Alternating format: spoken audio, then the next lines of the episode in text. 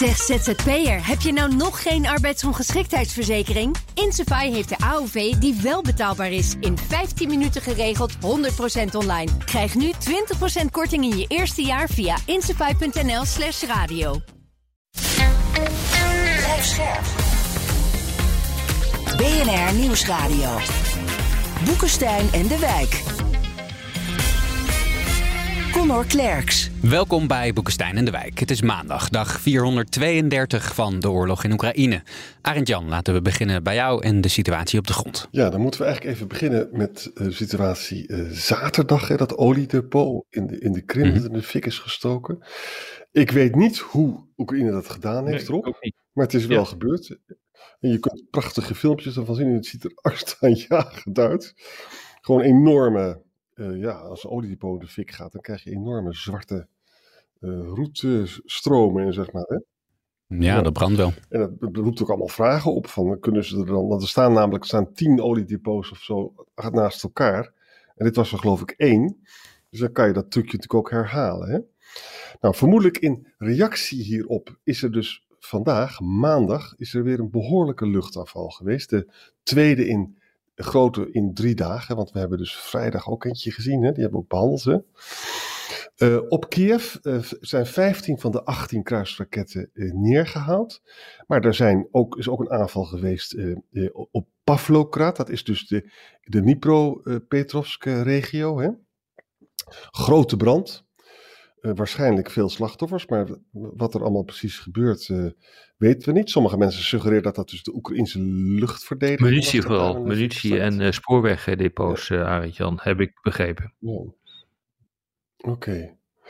En dan hebben we, um, even kijken, wat hebben we dan nog meer gedaan? Ja, ook zondag hè, natuurlijk, hè, granaten, mortiers en drones in elf regio's, noorden, oosten en het zuiden. Um. Dan uh, heeft Oekraïne zelf ook allemaal aanvallen gedaan op de vijandelijke troepen. Maar, de vier strikes worden genoemd door Oekraïne, maar ze zeggen niet waar. Er zijn mensen die zeggen dat Berdianske explosies zijn. Dat ligt aan de kust, weet je wel, die havenstad. Um, verder uh, berichten dus dat Rusland, wat we dus al een paar keer gezegd hebben, dus enorme uh, defensieve posities heeft ingenomen. Hè. Dat is ook met foto's in de ja. Volkskrant, kunnen mensen dat bekijken. Een vrachttrein in het op Russisch grondgebied, in de Briansk-regio, is ontspoord. Uh, daar zaten allemaal olieproducten in. Uh, Kiev valt het Russische grondgebied aan, uh, namelijk het gebied waar dat Rusland gebruikt om Oekraïne te bestoken, maar belooft Amerika dat het niet met westerse wapens dat doet. En dat is dus kennelijk mm -hmm. wat er gebeurt. Het is dus een grensgebied, hè, de Brianske regio. Er gebeurt dus overal van alles. Oh ja, en tenslotte nog, um, daar hebben de Oekraïners toch gewoon weer die aanvoerweg weten te behouden.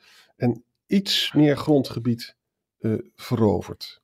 Terug, terug. Ja, nou, dus is hier wel aardig om, dat uh, in uh, verband te brengen met wat uh, Prigozhin heeft gebracht, of gezegd. Die is de, de, de, de baas van Wagner. Die is bij wijze van spreken voortdurend ook op oorlogspad tegen, tegen het Kremlin. Ehm, die heeft nu gezegd dat als dit zo doorgaat en hij krijgt ongelooflijk weinig munitie, dan zal hij zijn troepen moeten terugtrekken. Nou, dat ja. is een discussie die op dit ogenblik loopt. hij zegt: Ik heb 80.000 granaten eigenlijk per dag nodig, maar ik krijg er hooguit uh, 4000, maar meestal is het uh, rond de 1000. Dus daar kan ik niet zoveel mee. En dan is het ook geen wonder dat wij in de pan worden gehakt en dat die Oekraïners maar niet verdreven kunnen worden uit Bakhmut. Dus ja, dat, dat loopt dus, die hele discussie. We komen straks nog even te spreken, denk ik, over de vraag van wat is er nou eigenlijk aan de hand met al die verschillende commandanten in dat gebied. Mm -hmm. Want dat uh, leidt nou natuurlijk ook uh, tot grote problemen. Um, maar ja, die, die aanvallen op die steden, hè, die zijn dus nu van een andere aard dan de aanvallen op de elektriciteitsvoorziening en de waterleidingssystemen die men had. Het zijn nu echt terreuraanvallen. Uh, dat is volgens mij totaal, nou, het andere was ook totaal in strijd met dit oorlogsrecht. Uh, maar inmiddels zijn er 8500 burgers uh, overleden. Uh, meer dan, nee, iets minder dan 14.500 zijn er gewond. Dus die, die aantallen zijn echt schrikbarend onder die bur burgerbevolking. Um, en en wat, je, wat je dus ziet, en, en dat is denk ik wel een bijzondere discussie die nu gevoerd wordt, over die luchtverdediging. Kijk, je moet een groot verschil maken tussen de luchtverdediging die je kunt gebruiken voor die steden. Hè, bijvoorbeeld die Petris die nu gezonden worden, die zijn echt voor om die steden te, te, te, te beschermen. de Hawks, de NASAMS, die zijn ingevoerd vanuit het westen, die kun je ook goed gebruiken voor die steden. En dan is de grote vraag, heb je dan voldoende om de steden te beschermen? Het antwoord is nee. Je kunt hooguit hmm. op dit ogenblik vier steden beschermen. Nou, dat is iets wat wij ook wel eerder hebben gezegd. Veel meer dan dat is het niet. En als je Patriot hebt, ehm, die uh, raketten die je er vanuit, uh, die je van afschiet, die zijn zo ongelooflijk kostbaar. Die ga je ook niet tegen drones inzetten. uh, tegen een drone van 25.000 euro, dat ga je natuurlijk niet doen. maar die zet je om je belangrijkste doelwit heen, bijvoorbeeld ehm, Kiev. En dan is een grote vraag: zijn er dan wel uh, voldoende uh, luchtverdedigingsmiddelen voor de strijd aan het front? He, bijvoorbeeld stringers, die uh, dingen die je vanaf de schouder afvuurt. daar waren er ooit 2500 van. Daarvan wordt nu gezegd, misschien zijn er nog maar 190 over. Nou, er zijn er wel nieuwe systemen gekomen vanuit Duitsland, het Strela-systeem. die gaan dus naar het front. Um, het antwoord is eigenlijk is er ook niet meer zo gek veel over. Maar, en dat is het goede nieuws, en uh, je kunt er niet van uitgaan als, als Rus dat het luchtruim helemaal vrij is. Je hebt dus geen air superiority zoals het heet. Doet mij zeer sterk denken aan wat, uh, wat Servië deed in 1999 uh, tijdens, tijdens de oorlog in Kosovo. Uh, Servië-Kosovo, uh, die uh, voerde toen ook een, een campagne uit, of een campagne tegen de, de luchtmacht van de NAVO. En vuurde af en toe eens een, een raket af, waardoor de NAVO eigenlijk nooit in staat was om dat hele ruglijn, luchtruim te beheersen, waardoor ze altijd te hoog moesten bombarderen, dus te onnauwkeurig werden. Ik, ik, zie dat, ik, ik, zie een analogie met wat er op dit ogenblik gebeurt in, in Oekraïne. Hier kunnen we ook een bruggetje maken, denk ik, Connor. Van, uh, dus niet, niet alleen heeft dus Rusland heeft dus geen luchtoverwicht, dat is natuurlijk een nadeel. Maar er is ook een systeemfout in die Russische krijgsmacht. Dat heeft te maken met, de, met Poetins houding. Er staat echt een geweldig rapport van het Institute for the Study of War. Iedereen kan dat uh, zo uh, lezen, hè? ISW. En daar legt hij dus uit, Poetin wil niet dat er een, een generaal wordt benoemd die alle macht naar zich toe kan trekken en dan ook succesvol kan zijn. Maar dan voelt hij zich zelf bedreigd. Hè? Dus hij houdt ervan om te roteren met mensen. Want dan kan hij zelf schitteren.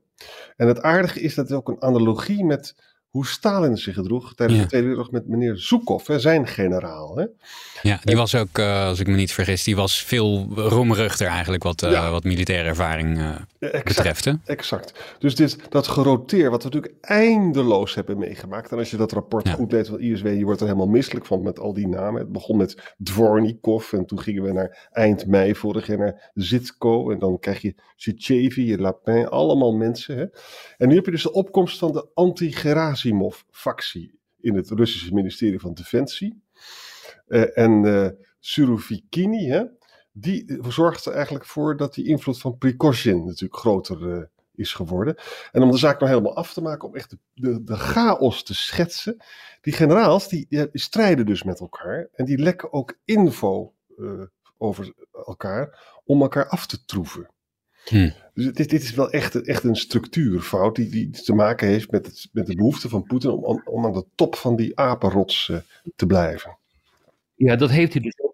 Nou, het, het bijzondere is dat hij dat ook geprobeerd heeft in het begin. Want, nou ja, goed, uh, daar hebben wij ook uh, ontelbare malen over uh, gesproken en onze verbazing over uitgesproken. Dat hij Poetin maar continu roteerde. dus wat dat betreft is het fantastisch dat stuk. Echt iedereen lezen. Nou ja, ja. probeer het te lezen, want het is echt heel complex.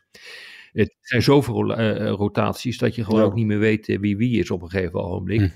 Uh, maar we hebben in het begin hebben ook uh, ons verbaasd dat er de eerste maanden gewoon eigenlijk geen overal commando, commandant is aangesteld uh, door Poetin. Want hij dacht natuurlijk van nou dat is een gebak eitje. Ik ga dat land op, op een fiets veroveren. Dat is dus niet gelukt. En dan als dat wel was gelukt, was hij als de grote overwinnaar naar voren gekomen. En sindsdien is het eigenlijk alleen maar het zoeken naar nieuwe zondebokken. Om te zeggen, nou generaal X, jij zat fout, dus gaan we nu naar generaal Y toe. Uh, en daardoor heen speelt, en dat is echt cruciaal. Ehm, eh, en dat, dat, dat is het, het punt dat je eigenlijk een verbrokkeling krijgt van de hele commandostructuur. Je hebt dus warlords, zoals ik ze maar even zo noemen. Dat zijn de, uh, de Prigozins van deze wereld, maar ook Kardirov zit erin. Maar er zijn er veel meer. Dan heb je de verschillende facties, de pro- en anti-Gerasimov-facties binnen de generale staf. Mhm. Ja, jongens, op die manier kun je niet voldoen aan twee essentiële kenmerken die noodzakelijk zijn voor een goede militaire operatie. Dat is unity in command om unity in effort uh, te krijgen. Unity in command betekent dat je een, uh, een eenhoofdige leiding hebt, feitelijk, en hele heldere, duidelijke commandostructuren, waardoor de, uh, de commando's van, van, van boven naar beneden uh, gaan en van beneden naar boven er uh, wordt terug gerapporteerd. Als je dat niet kunt, kun je geen unity in effort uh, krijgen. En unity in effort betekent dat je eigenlijk alle inspanningen van je oorlog richt op één bepaalde doelstelling. Dan loopt het gewoon totaal uit de hand. Nou, dat hele gedoe. Wat ik net ook heb uitgelegd met Prigozhin, die zit te mekkeren dat hij onvoldoende munitie krijgt. Voor, volgens sommigen krijgt hij het weer wel en speelt hij gewoon eigenlijk alleen maar een politiek spel. Uh, maar dat, dat duidt er gewoon op dat die Russen niet in staat zijn om uh, echt hun, hun, hun oorlogsinspanning te focussen op voorafgestelde doelen.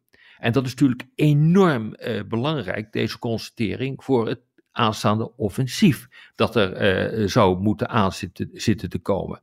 Waarvan we inmiddels weten, overigens, dat uh, de, de Oekraïners daarvoor 16 brigades van 50.000 man totaal hebben, op, uh, hebben opgeleverd. En dat zijn er dus meer dan de twaalf waar we het eerder over hebben gehad. En die ook in die geheime uitgelekte stukken en, uh, Met andere woorden, samenvattend. Hè? Dus de Kiev-operatie is totaal mislukt. Uh, Bakhmut heeft negen maanden geduurd en is nog steeds niet. Dus je zou er optimistisch worden. Waren het niet dat dus Rusland, één ding doen ze dus wel heel goed. Ze hebben de enorme defensieve linies uh, gemaakt. En dat is gewoon, daar kom je gewoon niet zomaar doorheen. Het is gewoon de ellende. Nee, en dat is dus ook waarom de Amerikanen zeggen van nou, wij moeten nog zien of dit gaat, uh, gaat lukken. Ja. die fortificaties zijn er in verschillende ringen. Uh, rond de ligt een geweldige fortificatie, maar en dan vervolgens honderden kilometers het binnenland in. Uh, liggen eigenlijk fortificaties langs alle grenzen die op dit ogenblik uh, worden bestookt door zowel de Oekraïners als, als de Russen. Plus het gebied, en dat is een beetje een apart gebied in het zuiden bij Gerson, bij de Dniepro. Uh, daar is het net iets anders, um, omdat daar liggen ook wel fortificaties. Uh, maar daar zie je dus dat de Oekraïners de rivier zijn overgestoken. En daar is het volstrekt onhelder wat daar uh, gebeurt. Maar elders zie je overal dat er enorme fortificaties zijn gebouwd. En realiseer je dat eigenlijk al pakweg bijna negen maanden sprake is van een padstelling. Misschien bijna al wel een jaar inmiddels. Ja. Dan, uh, ja, Rob, we hadden het over uh, uh, leiderschap. een oude leider van Rusland, Medvedev, die is nogal losgegaan op Twitter. Ja, zeker. Zijn tweet is ook verwijderd. Hij begon natuurlijk weer de meest verschrikkelijke dingen te roepen over zijn vijanden buiten Oekraïne. Dat zijn wij dus, de Europeanen en de Amerikanen. Die tweet is verwijderd. Vervolgens komt daar weer een een, eh, een tweet overheen uh, van Medvedev. Uh, die zegt: Ja, weet je, ach, Twitter, dat is natuurlijk eigenlijk alleen maar een Amerikaans propaganda-kanaal van de Amerikaanse elite. dat kunnen wij natuurlijk geweldig gebruiken om onze propagandadoelstellingen te bereiken. Maar uiteindelijk gaat het natuurlijk om het toebrengen van een verschrikkelijke nederlaag uh, voor onze, tegen onze vijanden. en alle Russische gebieden moeten terug. ik weet niet, die, die Medvedev, die, die leek toen hij nog president en premier was, leek het nog wel een redelijke man te zijn. Maar die, het lijkt wel of deze man totaal los is. Hm. Ja. En ik, ik heb dat gewoon vaker gezien van mensen die ook, ook persoonlijk, en ik ken Medvedev niet persoonlijk, ik heb hem wel eens een paar keer gezien, maar ik, ik ken hem niet. Ik heb ook nooit met hem gesproken. En, uh, maar degene die ik wel kan, ken, uh, die zijn ook zo geradicaliseerd. Die, zijn ook totaal de weg kwijt wat dat betreft. Die zijn zo radicaal geworden. Die zitten dus ook dit soort taal uit te slaan als deze voormalige premier-president en nu vicevoorzitter van de Veiligheidsraad. Heel raar dat, is dat. Dat geldt voor Karakhanov, het is volkomen. Ja, Karakhanov. Maar, de, maar wat ik nog meer, ja, Karakhanov, ja, die stond wel heel erg dicht uh, bij de regering, omdat hij ook een van de adviseurs van Poetin was. Maar Dimitri Trenin, uh, ik bedoel, dat, dat was, de, ja. dat was een ja. man die echt gewoon ook een een westerse uh, organisatieleider. Dat was altijd degene die probeerde om de bruggen te slaan met het Westen. Die, die, die slaat nu ook dit taal uit. Die was de voorzitter van uh, de, de, de, de Moskouse Carnegie Club. Een, een prima vent, maar nu niet meer ik, ik vind het heel erg verontrustend hoor, dat mensen zo ongelooflijk kunnen omslaan. Het, Weet je Rob, ik, ik denk dat mensen dat dus doen omdat ze bang zijn dat ze anders, ze, ze proberen hun loyaliteit te tonen aan Ja, dat doen ze ook. En, en, ja, of, of, het is, of, of het is iets, het, het, doet mij, het doet mij sterk denken aan, aan wat er uh, in Nederland te zien was met de NSB'ers van, uh, uh, van voor de Tweede Wereldoorlog. Hè, die dat was ook natuurlijk een loyaliteit, maar het was ook een, een verkeerssoort loyaliteit aan mensen. Ja, ja die, ja, die je kunt betichten van oorlogsmisdaden. Want dat is natuurlijk gewoon aan de hand wat hier is. Het zijn mensen die het internationale recht met voeten hebben getreden. En die ga je nu lopen verdedigen. Terwijl je altijd geprobeerd hebt ja. een redelijke middenweg eh, te bewandelen. Dat vind ik heel erg bijzonder. Dat, het doet mij zeer sterk denken nogmaals aan, uh, aan, aan mensen die uh, ineens verschrikkelijk aan de NSB hangen, hingen. Ja. Misschien is dat een foute vergelijking hoor. Maar dan hou ik me graag voor, voor een betere. Je kan het ook vergelijken met, er zijn van die hele mooie artikelen over working towards the leader. Weet je, dat gaat over mensen. Hitler, die uh, was een beetje lui, die stond laat op en dan ging die lunchen en zo. En hij liet altijd ruzie ontstaan tussen zijn ondergeschikten. En dan gingen die ondergeschikten gingen vanzelf al radicaliseren in de hoop dat ze het oor van Hitler kregen. Nou, daar lijkt het ook een beetje op. Of het waar is, ja. wat ik nu zeg, weet ik niet. Maar het is, het, die met, met, met was een gematigde jongen. Ik vind het een fascinerend fenomeen. Ik vind het ook zeer beangstigend als je gewoon ziet ja. dat mensen die je dus op zich uh, redelijk goed kent. Uh, en waar je ook een, nou ja, vertrouwensband, uh, dat is nou misschien wat al te sterk uitgedrukt, maar in ieder geval toch wel op een redelijke manier mee hebt kunnen praten. dat dat totaal verdwenen is, dat vind ik wel echt heel bijzonder hoor. Ja, nog wat positief nieuws. Resnikov, de Oekraïnse minister van Defensie, zegt dat nu de reserveonderdelen van de Rus westerse wapens kunnen nu ook in de Oekraïne worden geproduceerd. Dat is niet onbelangrijk, want ik heb begrepen... Nee, dat is zeker niet onbelangrijk. Moet die fabriek natuurlijk niet gebombardeerd worden. Nee, dus zo. Want een tank heeft voortdurend uh, check-ups nodig. Hè? Er gaan allemaal dingen kapot. Dat heb, ik mij ja. laten vertellen. Ja. Dus is, uh... Hebben we nog tijd voor een, uh, een laatste nieuwtje? Ja. Jazeker. Nou ja, een nieuwtje. Ik bedoel, nu zijn dus de Russen weer uh, beschuldigd hè, van uh, het opblazen van uh, ja. Nord Stream 2. Omdat, omdat er een onderzeebootreddingsschip uitgerust met mini-subs in de buurt van die pijpleiding is gesignaleerd. Dus nu is zo onder, onderhand is nu iedereen beschuldigd. De Amerikanen, de Russen en de Oekraïners. Nou weet je, het is toch wel even interessant hoor, ook voor, voor ons allemaal. Van wie heeft er nou eigenlijk belang bij? Om dit te doen? Nou, Rusland, belang? Ja of nee, Arjan? Even een quizje, quizje doen. Nou, dat, is een, dat, is een, aardige. Nou ja, ze, ze, zouden er een belang bij kunnen hebben door gewoon dus de, de, de, energieproblemen te vergroten van het ja, ja, dat kan je ook doen door de kraan dicht te draaien. dus ja, Ik, ik denk, Rusland ja, als je de kraan kan dichtdraaien, dan... Uh, dan hoef je hem niet uh, op te blazen. Dan hoef je hem niet op te blazen. Nou, uh, Amerika? Wat denk jij? Ja, kijk, luister, als Amerika het gedaan zou hebben, hè, want ze waren er altijd tegen, dan ja. wordt het echt een verschrikkelijk probleem. Maar dan is het vertrouwen ja. weg. Dan blaas je niet alleen Nord Stream 2 op, of Nord Stream 1 en 2 op, maar ook de NAVO. Exact. En dus, kijk, dan wordt er gezegd, ja, natuurlijk was het uh, Amerika, kijk maar wat Biden heeft gezegd, want die wil een eind maken aan, uh, aan uh, Nord Stream 1 en 2. Is ook zo. Dat klopt, dat heeft hij gezegd. Maar dat kan je heel makkelijk doen met sancties. Dat heeft Trump ook gedaan. Dus dat, dat hadden alle presidenten. Daar, daar doelde Biden ook op. Maar het risico van een dergelijke aanval voor de Amerikanen is mega. En die Seymour Hirsch, die kan nog wel zeggen dat waren de Amerikanen. Maar er is ook weinig van overeind gebleven. En nou het interessante. Dat is die Oekraïense ploeg. die dat zou hebben gedaan uh, die Rusland wilde treffen, zonder dat Zelensky erbij betrokken was. En dat zou een, een Oekraïnse ploeg zijn van Oekraïners en Russen. Ja, Belang? Russische partisanen als het ware. Wat, wat vind, ja, wat vind jij? Wat... Dat zou kunnen. Ja, dat, dat vind kunnen. ik dus ook, ja. Dat, dat, dat als het gaat om het belang Eh, dus wij, zeggen mensen niet wie dit gedaan hebben. We uh, zeggen niet wat, welk scenario onze voorkeur heeft. We voorspellen niks. Maar als je puur naar het belang kijkt, dan denk ik dat Arend Jan gelijk heeft. Want ja, Oekraïne wil, het, wil Rusland treffen, kan zelf de kraan niet dichtdraaien, dus moet iets. Ja, dan is een explosie is wel, wel handig om dat voor elkaar te krijgen. Ja, het probleem is dat maar alleen maar, alleen maar geredeneerd vanuit het belang. Hè? Eh, dat dus niemand eh, hier allerlei conclusies aan uh, gaat, uh, gaat verbinden. Want het probleem is namelijk, technisch schijnt het behoorlijk lastig te zijn. En het is de vraag of Oekraïne dat gewoon technisch kan. Hè? Ja. Het, we zullen het meemaken. Ik hoop echt, ik bid op mijn blote knietjes dat de Amerikanen dat niet hebben gedaan. Want dan zitten we goed in de shit. Ja, ik, echt ik, weet je, als dat was gebeurd, dan was dat volgens mij al lang uitgelekt. Want in een democratie hou je weinig onder de pet hoor. Ja, zo is het ook weer. Nou mannen, NSB'ers zag ik niet aankomen. Een quiz-element ook niet. Um, ja, een, uh, een bijzondere update voor vandaag. Dank jullie wel.